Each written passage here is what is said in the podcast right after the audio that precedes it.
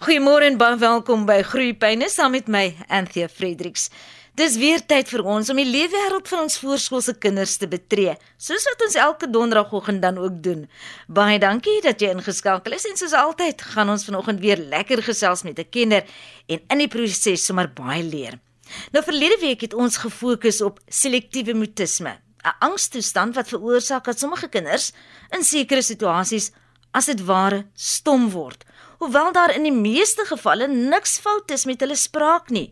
Kliniese sielkundige Dr. Jomari Botma het soveel waardevolle inligting met ons kon deel en in vanoggend se gesprek sit ons dan die geselsie oor SM voort met spraakterapeut en skrywer Christine Neser. Môre Christine.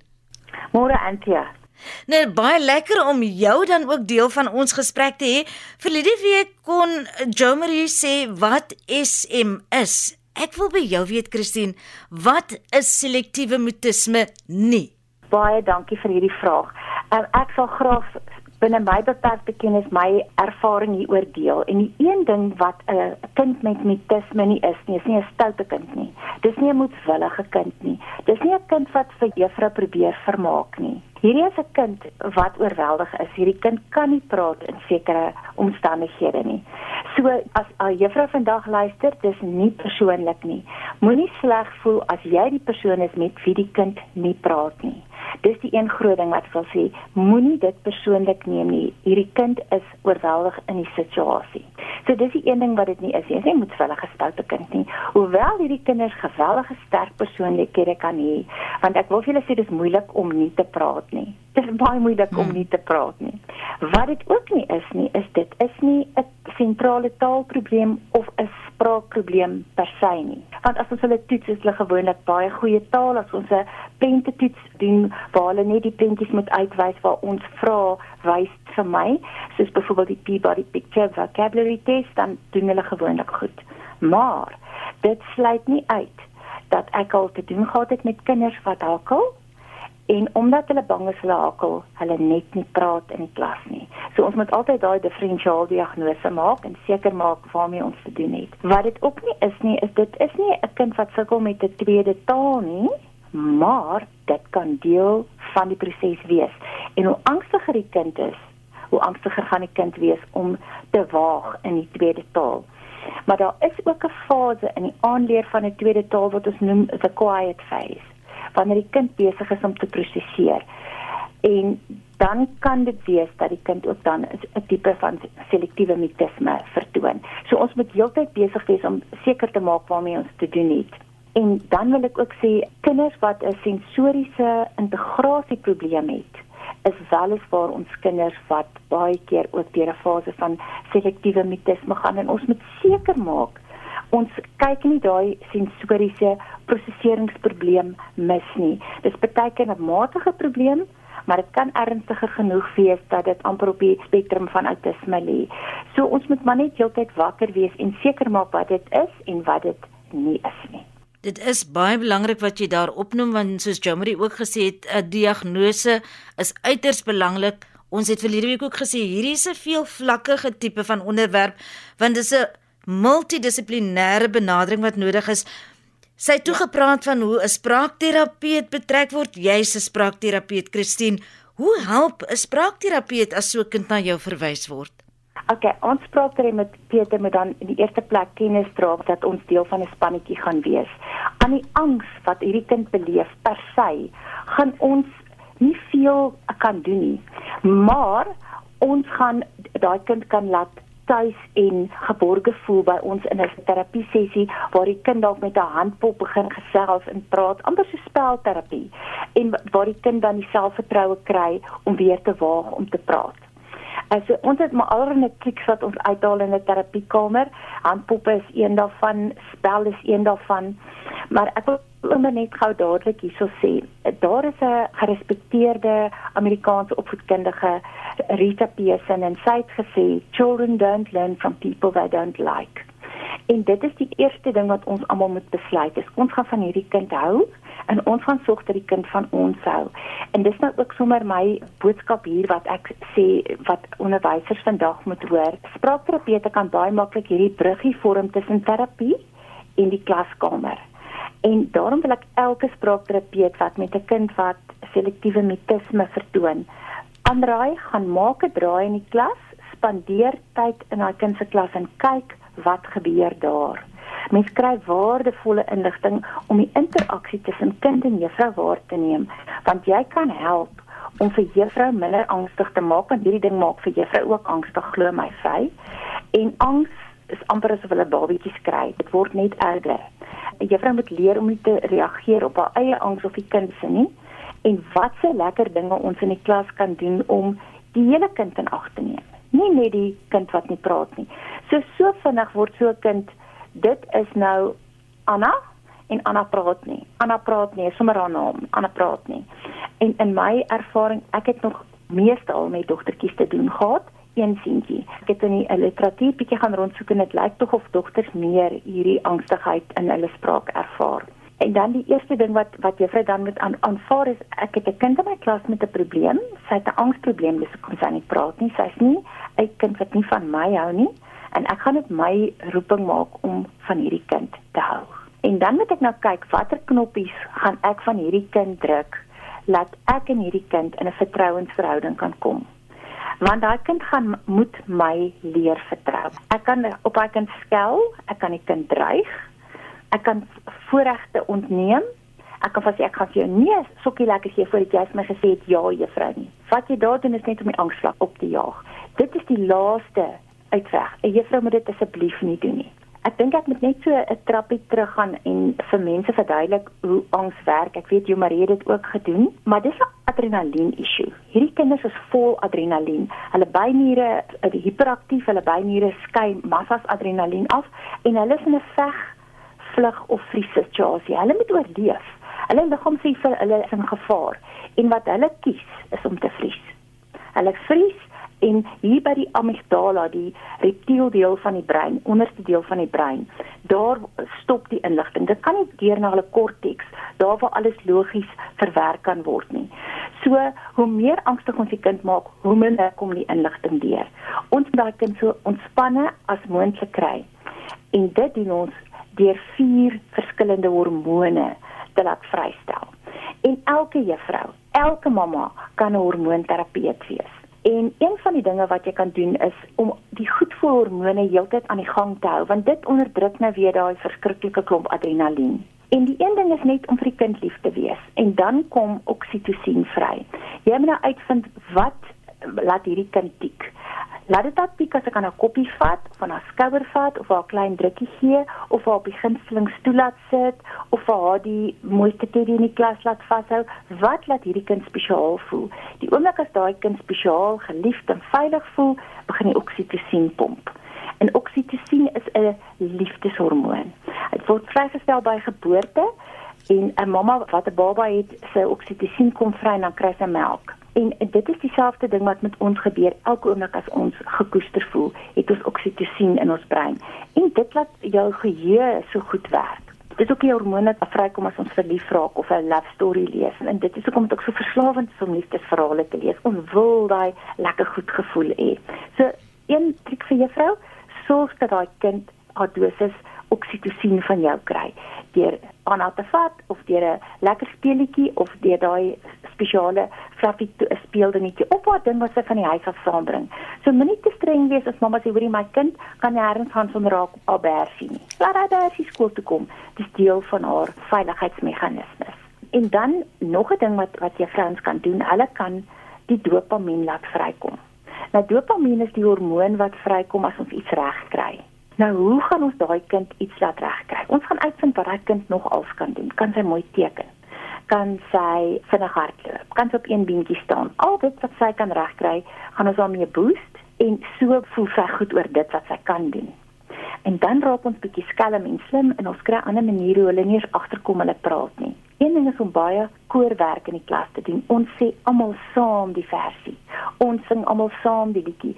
Dan gewoonlik sal hulle saam deelneem nie op hulle eie nie maar in 'n groepie. Maar so word die brein oortuig dat hulle dit wel kan regkry en as die hele klas mooi deelgeneem het dan kry sy ook 'n sterretjie. Ander ding wat jy kan probeer is om deur 'n handpop te praat, deur 'n teddy. Ons het een kind gehad wat ons met 'n Pink Panther laat praat het. As hy die Pink Panther was, het sy heeltemal goed gepraat. En as die Pink Panther nie daar was nie, het sy net sop gebly. Nog 'n ding wat ek uh, graag gebruik met daai kinders is 'n fluisterfoontjie. En dis sommer 'n stuk pyp, plastiekpyp met gehoorstukkies. Dit lyk sommer soos 'n ou telefoontjie.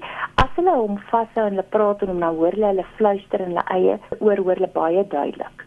Mens gebruik dit baie in leesterapie. So mens vat dat met 'n swembadpyp en sit 92 grade koppelstukkies aan en dan sit 'n telefoontjie. En dit is wonderlik om vir die hele klas sulke te hê. Dan fluister hulle maar hoor hulle eie stemmetjie. Van die literatuur wys ons dat die kinders het baie keer 'n verwronge sensoriese integrasie van hoe klink hulle stem. Hulle klink stem klink baie keer vir hulle simpel. Die een kind het vir my gesê, "I sound so stupid." En dit is soos hulle vir hulle self kan klink. En dan met so 'n voetjie kan die hele klas saggies fluister en my kind hoor hulle eie stem en dis eintlik 'n lekker terapie. En dan 'n ander hormoon wat 'n mens graag wil laat vrystel is serotonien en dit is van 'n mens beweeg. So om 'n groepwerk te doen waar hulle almal spring of uh, agter mekaar aanhardloop, wolbol voelaat dit 'n speel waar spraak en beweging saam gebeur. Dan kom daai spraak en die beweging sommer so saam en is lekker. En daai lekker laat die serotonien vrykom en die adrenalien word bietjie in sy boks gedruk. En die laaste hormoon wat juffrou kan laat vrykom in die klas is endorfien. Endorfien is die liggaam se eie morfine. En dit kom vry as jy lag en as jy grappies maak en as jy pret het en as jy verspot is. En hoe verspotter juffrou kan wees hoe meer sy daai kinders kan laat lag, hoe beter is dit vir daai ouetjie wat nie praat nie, want daai kind gaan ook op die ouend lag. En as mens lag dan sê jy sommer maklik vir 'n maatjie, jy's 'n vrou snaaksie of wat ook al. Maar so word die aanvlakke in die klas laer gemaak. En dis waarby ons wil uitkom is laer angs in die klas. En dit is nou 'n lang preek, maar hieruit behoort juffrouens alle paar stukkies raad te kan optel. Christine, net vinnig. Ek kom dit agter Jo Marie dit verlede week genoem, jy het dit nou weer genoem. En ek dink nie ons besef hoe belangrik dit is nie want ons weet mos ons is lief vir ons kinders. Maar daardie hele pleidooi van julle kant af altyd dat alles moet geskied waar 'n kind veilig en geborge en geliefd voel. 'n Kind leer optimaal as hulle veilig voel. Ons kan nie leer as ons vol adrenalien is nie. Ons kan oorleef as ons vol adrenalien is. Ons kan vir 'n hond weghardloop, ons kan oor 'n hek spring. Ons kan wonderwerke verrig as ons vol adrenalien is, maar ons leer niks om te leer moet jy kalm wees en moet jy vol goed voel hormone wees. Eintlik moet jy na jou hele klas kyk en sê sê net maar, my hele klasie het mutisme gehad. Hulle was almal selektief stom omdat daar te veel angs is. Wat kan ek doen om hierdie angsvlakke in hierdie klas te laat sak? En ek praat nou tot matriek deur. Ek praat nie van 'n graad 4 kind wat nie kan lees nie. Hoe kwaier en kwaader juffrou raak, hoe meer sy dreig, hoe meer styg die adrenalien in daai lyfie en in daai brein niks leer vind plaas nie. Leer vind plaas as ons veilig geborge voel, as ons voel hier is 'n plek waar ons kan waag. So ek wil ook vir mamma sê wat by die huis is en sê mamma, my kind praat nie by die huis, maar sy praat nie by skool nie. Wat moet ek doen? Keep calm and be a mom. Dra so 'n T-shirt. Wees net die kind se mamma. Die dinge by die skool sal uitsorteer, maar wees verseker dat as daar onderliggende angstige toestande by die huis is, dit moet aangespreek word en dit gee nie om of jy dink jou kind het nie gehoor julle stry en beklei of praat lelik met mekaar nie. Hulle het nie gehoor julle praat oor julle finansies wat beroerd is nie. Hierdie kinders hoor, hulle reageer daarop. Probeer om daar ook daai goedvoel hormone te laat voel dat hulle dit hulle veilige plekkie is. My gas is spraakterapeut en skrywer Christine Neser. Ons gesprek handel oor selektiewe mutisme en Christine wat net voor die breek baie handige wenke gegee het in die klaskamer vir onderwysers ten opsigte van hoe hanteer ons 'n kleintjie met selektiewe mutisme in die klaskamer ook raad gegee het so bietjie vir mamma en dan vir pappa by die huis hoe om die situasie dan ook te benader. Christine, jy het toegepraat oor die fokus wat geplaas moet word op die kind in die klaskamer. Dit kan ook gebeur dat 'n onderwyser so oorweldig voel dat hierdie kind heeltemal geïgnoreer word, want die kind wil immers mos nie deel wees van wat in die klasie aan die gang is nie. Ja, dit is weliswaar so. En weet jy wat die groot probleem is? Juffrou moet 'n rapport gee aan die einde van die kwartaal en dan sê sy, "Wat moet ek nou hier skryf by mondelike kommunikasie?" Nou ons het deesdae 'n 7-punt skaal met die kind 'n 1 gee. Dan sê ek, "Nee, hierdie kind kan kommunikeer net nog nie hier by jou nie." En dis nou waar die mamma kan inkom om ehm um, video-opnames te maak by die huis van as die kind wel lekker gesels en praat, sodat mens dit kan assesseer om dit te gebruik as 'n punt om dan net daai rapport te dien. En dan wil ek ook vir juffrou raad gee, hou maar jou foon, julle is mos almal op julle slimfone. Wanneer daardie kind wel deelneem aan die klas en jy sien die mondjie beweeg en jy is dalk besig met julle fluisterfone of met 'n handpop en die kind is besig om saam te praat, al is dit saggies, neem dit af. En dan een kant toe roep jy jou kind en sê kom kyk net wat het ek afgeneem. En so oortuig jy daai kind maar jy kan in die klas praat. Want onthou hierdie 'n angstoestand, hy kind dink ek kan nie in die klas praat nie. En later kry hulle amper 'n identiteit. Van die kinders sê dis daai kind wat nie kan praat nie. Juffrou sê vir haar kollega, ag maar dis mos die kind wat nie praat nie. En dit word haar identiteit. 'n Mens wil nie daai identiteit om daai kind se nek hang nie. So dis belangrik dat daai kind visuele bewys het ek kan hier praat. En dan is dit ook belangrik om jou klasie te betrek. Jy kan nie glo hoe kinders 'n mens kan help nie. Wanneer maatjie nou nie in die klas is nie, dan praat juffrou met die hele klas en sy vertel hulle so en so wil nie in die klas praat nie. Sy kan nie in die klas praat nie. Sy gaan later in die klas praat. Ietsie en haar is net bietjie bang om in die klas te praat en ons gaan haar almal help. En so gaan ek vir, vir hierdie maatjie gaan ek nou op haar tafel twee kaartjies sit. As sy met juffrou wil praat, dan gaan sy hierdie kaartjie opsteek. En as sy wil toilet toe gaan, gaan sy hierdie kaartjie opsteek of jy gaan sê ek gaan vir hierdie maatjie 'n rooi vlaggie gee en as hy daai vlaggie opsteek dan wil sy graag met juffrou praat en as hy juffrou by haar kom sit dan kan sy in my oor fluister met haar foontjie of met haar handjie en ek sal hoor wat sy wil sê of as die kind ook nie vir jou wil fluister nie dan kan jy self julle eie stelsel van handgebare gebruik en die juffrouens wat die Makaton stelsel ken dis 'n is 'n stelsel van handgebare saam met spraak 'n mens kan se een of twee van daai gebare sommer gaan kyk op YouTube of jy dit kry en dan 'n gebaar vir teken vir water drink of vir hardloop of wat ook al die aktiwiteite in jou klas is en wat jy en die kind dan met mekaar doen. En dit is kommunikasie mense. Dit is dalk net met gebare, maar dit gaan later spraak word wanneer 'n kind kan praat. Maar jy wil eers net vir die kind die veiligheid gee dat jy kan met my kommunikeer al is dit met 'n prentjie, 'n vlaggie of 'n gebaar. Dit maak nie saak nie. Al fluister jy my oor. Baie van hulle het ek gevind hierdie jare eh, sal eers fluister in juffrou se oor en dalk fluister vir hulle beste maatjie. En op 'n mooi dag dan begin dit net en dan maak mens nie 'n groot boei daaroor nie. Dit gebeur maar net. En so op 'n mooi dag sê sê, "Haai, juffrou so en so praat." Dan sê jy ja, sy praat nou net so goed soos ons almal. Sy is glad nie meer bang om in die klas te praat nie. En as jy 'n konsert het by die skool, sit die kind in die konsert. Laat hulle almal deel wees van 'n opvoering. Al sê die kind nie 'n woord nie, al gaan die mondjie net saam met die groep. Hou die kind deel. Moet asseblief nie hierdie kind eenkant toe skuif en dit is swaar genoeg vir daai kind om net te oorlewe. Nou terwyl ek nou jou luister Christine, is daar natuurlik die argument wat baie in die skoolgemeenskap gaan sê, selfs sommige ouers wat ook nie verstaan nie van ander kleintjies wat sê, maar hoekom soveel aandag gee aan een kind? Onderwysers is oorlaai en daar's soveel maatjies in die klas en dit klink vir my ons wil nou net hierdie een kind oorlaai met al hierdie aandag en die spesiale dingetjies wat ons vir so 'n kind doen. Weet jy, dit is iets wat 'n mens ervaar. Ek het dit al persoonlik ervaar dat ander ouers amper jaloers raak, maar die argument vir so ouers is jy nie dankbaar. Daar hoef nie vir jou kind ekstra moeite gedoen te word nie.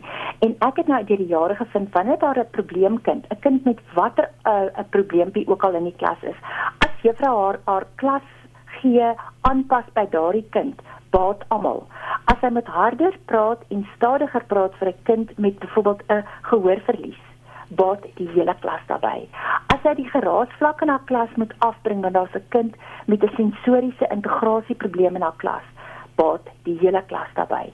Die hele klas gaan daarbey baat om te weet ons maak voorsiening vir haar. Hierdie maatjie neem nie ekstra tyd nie, maar plek sal om juffrou te praat gaan sy net af vlaggie opsteek of sy mag fluister. En um, dit is nie asof die kind die klas versteur nie. Hierdie kind is nie besig om te skreeu of om maatjie seer te maak of om die verf om te gooi nie. Hierdie is 'n cheap stil kind wat nie praat nie. Daar's juffrouens wat vir my vir die tong in die kies sê, "Jesus, kon ek nie 30 van hulle in my klas gehad het nie." Verstaan dit is iets wat ons net moet embrace. Ons moet dit net omhels en sê ons is nie almal dieselfde nie, maar in elke ander sterkind is daar 'n ster. Juffrou is net besig om daai sterre bietjie ekstra te poets sodat daardie kind ook net soos ander kinders van ander mammas kan blink. O, oh, maar jy stel dit baie mooi, Christine. En natuurlik leer ons vir al die maatjies ook waardes van ondersteuning en medemenslikheid. Absoluut, empatie. Uh, en dis ongelukkig empatie is 'n ding wat nie in alle omstandighede na vore kom nie. En ek weet nie of jy weet nie, maar rekenaarspeletjies betrek net ons linkerbrein. Ons linkerbrein word volledig daardeur opgeneem. En in ons regterbrein is empatie gesetel. So dit is daai rugby reël van use it or lose it. As jy nie jou regterbrein gebruik daar waar die empatie sit nie, dan verloor jy dit. Jy moet oefen om empatie te gebruik. En so 'n kind is 'n wonderlike manier om die empatie van 'n hele groep te oefen. Christine, jy het voor die breek heelwat gefokus op raad in die klaskamer. Jy het toe bietjie raad gegee vir by die huis en die atmosfeer wat geskep moet word, want as daar 'n angstige atmosfeer by die huis is, help dit ook nie. So wat kan mamma en pappa doen? Wel, mamma en pappa gaan nie 'n feit in die oë moet kyk dat hierdie ding is baie keer geneties. Wie van ons twee is die stresbol in die huis? Wie van ons het maar ook angstigheid? Wie van ons het ook gehuil toe ons skool toe gaan? Ons dra ons genetika oor op ons kinders. En daar's net soveel meer stresors in die omgewing. So as mens eerlik is, dan sal mens moet sê, okay, hierdie verskriklike afstand wat ons elke dag skool toe ry, hierdie finansiële krisis wat ons het om die kind in hierdie skool te hou, wat ook al ons het krisisse waarmee ons moet aan moet aandag gee. Maar die belangrikste is net wat ek jou sê, probeer so kalm as moontlik wees, hou dit lig en prettig by die huis en die res sal éventueel sal uitsorteer. Maar mens moet heeltyd in voeling met jou skool bly. Een van die belangrikste goed wat mens moet doen is om heeltyd deel van 'n span te bly. En as jou kind een van daai ander kinders is wat ekstra aandag nodig het, het jy altyd 'n groter span. Dis nooit net jy nie. Dis jy, jou uitgebreide familie, dalk jou huishulp. Dit is jou juffrou wat 'n geweldige belangrike rol speel. Sy is amper die klaskaptein van die span. Daar's die arbeidsterapeut wat dalk betrokke gaan raak. Daar's jou sielkundige wat of die kliniese sielkundige of jou dalk die opvoedkundige sielkundige gaan wees. Daar's dalk jou huisdokter wat jy dalk gaan verwys na 'n pediatriese psigiater wat sê hierdie ouetjie het eintlik bietjie medisyne nodig. Hierdie vlakke is so hoog, kom ons maak dit vir makliker. Daar's 'n hele span en 'n mens moet deel bly van daai span want as 'n span trek mens die waar deur die drif. Een mens alleen sukkel. En dit is ook goed vir 'n mamma om te deel. Deel met jou medemammas oor jou kind se probleem.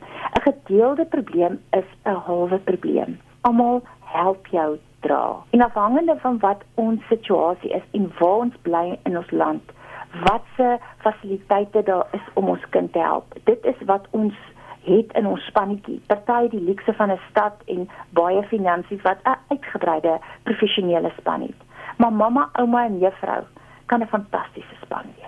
Christine, ons gesprek staan einde se kant toe. Weliswaar net vinnig ietsie noem ter afsluiting van ons gesprek dat na aanleiding van hierdie hele geselsie rondom selektiewe mutisme 'n mamma vir my verlede week 'n briefie geskryf het om te sê sy wonder daarom nou maar met haar vriendinne en hulle het almal kinders wat in die COVID era gebore is of dalk 'n jaar was, 'n paar maande oud was en nou sien hulle met hierdie kleintjies van hulle wat nou jong Peters is en jong kleuters is as hulle bymekaar kom op 'n sosiale vlak dat hierdie kinders as dit ware sosiale teruggetrokkenheid ervaar en nie maklik gesels nie en aan mamma klou en hulle wonder toe nou maar net het dit iets te doen met COVID ek gaan nou ook maar net spekuleer antie. Ehm um, maar in Covid was ons almal onder 'n wolk van angs. Ons het nie geweet wanneer hierdie ding gaan eindig nie. Ons het nie geweet hoe lank dit gaan aanhou, wie van ons gaan nog werk hê, hoe gaan ons ooit weer terug kantoor toe nie, wanneer gaan die kos opraak? Ons was angstig. Daardie mammas nog te meer. Hulle waarskynlik hulle babas gehad in 'n tyd toe niemand vir hulle kon kom kuier het in die hospitaal nie, nog minder by die huis. So dit was ouers wat op hulle self aangewese was. So ek dink sonder dat ons dit eers weet, was ons angsvlakke hemelhoog en ons het beskerm so wat ons kan. So dit was heeltyd 'n kwessie van moenie aanvat nie, het jy jou hande afgevee. Kom mamma spyt gou weer. Hulle het gesien hoe ouers amper buite beheer is van angs. al het hulle dit nie gesien nie al was hulle nog klein kinders het mos antennes wat al hierdie goed opvang. So ek vermoed ons was in 'n baie gestresde tyd in 'n kritiese tyd vir hierdie kinders se groot word. Hulle het minder maatjies gesien, dit was minder ontspanne. Baie van hulle was nie in hulle speelgroepie gewees nie. En wat ons nie moet vergeet nie, hierdie kinders het sommer so met die selfoon en die tablet in hulle hand in die dummy in die mond gesit van vanoggend tot vanaand van ma moes op haar rekenaar werk by die huis uh, huishulp kon nie daar wees nie want almal moes isoleer en kind het tyd gehad om op skerms te sit. Hierdie kinders het baie minder gepraat en baie minder gesosialiseer. Dis alles uitvalle waarmee ek dink ons nou nog besig is om, jy weet, tot verhaal te kom. Baie baie dankie aan my gas vanoggend spraakterapeut en skrywer Christine Neser. Dis my plesier. Baie dankie Anthea. Nou ja, daarmee het groetheid aangebreek. Onthou, ons afspraak, dis nou volgende week, dieselfde tyd en dieselfde plek. Van my, Anthea Fredericks. Mooi bly tot dan.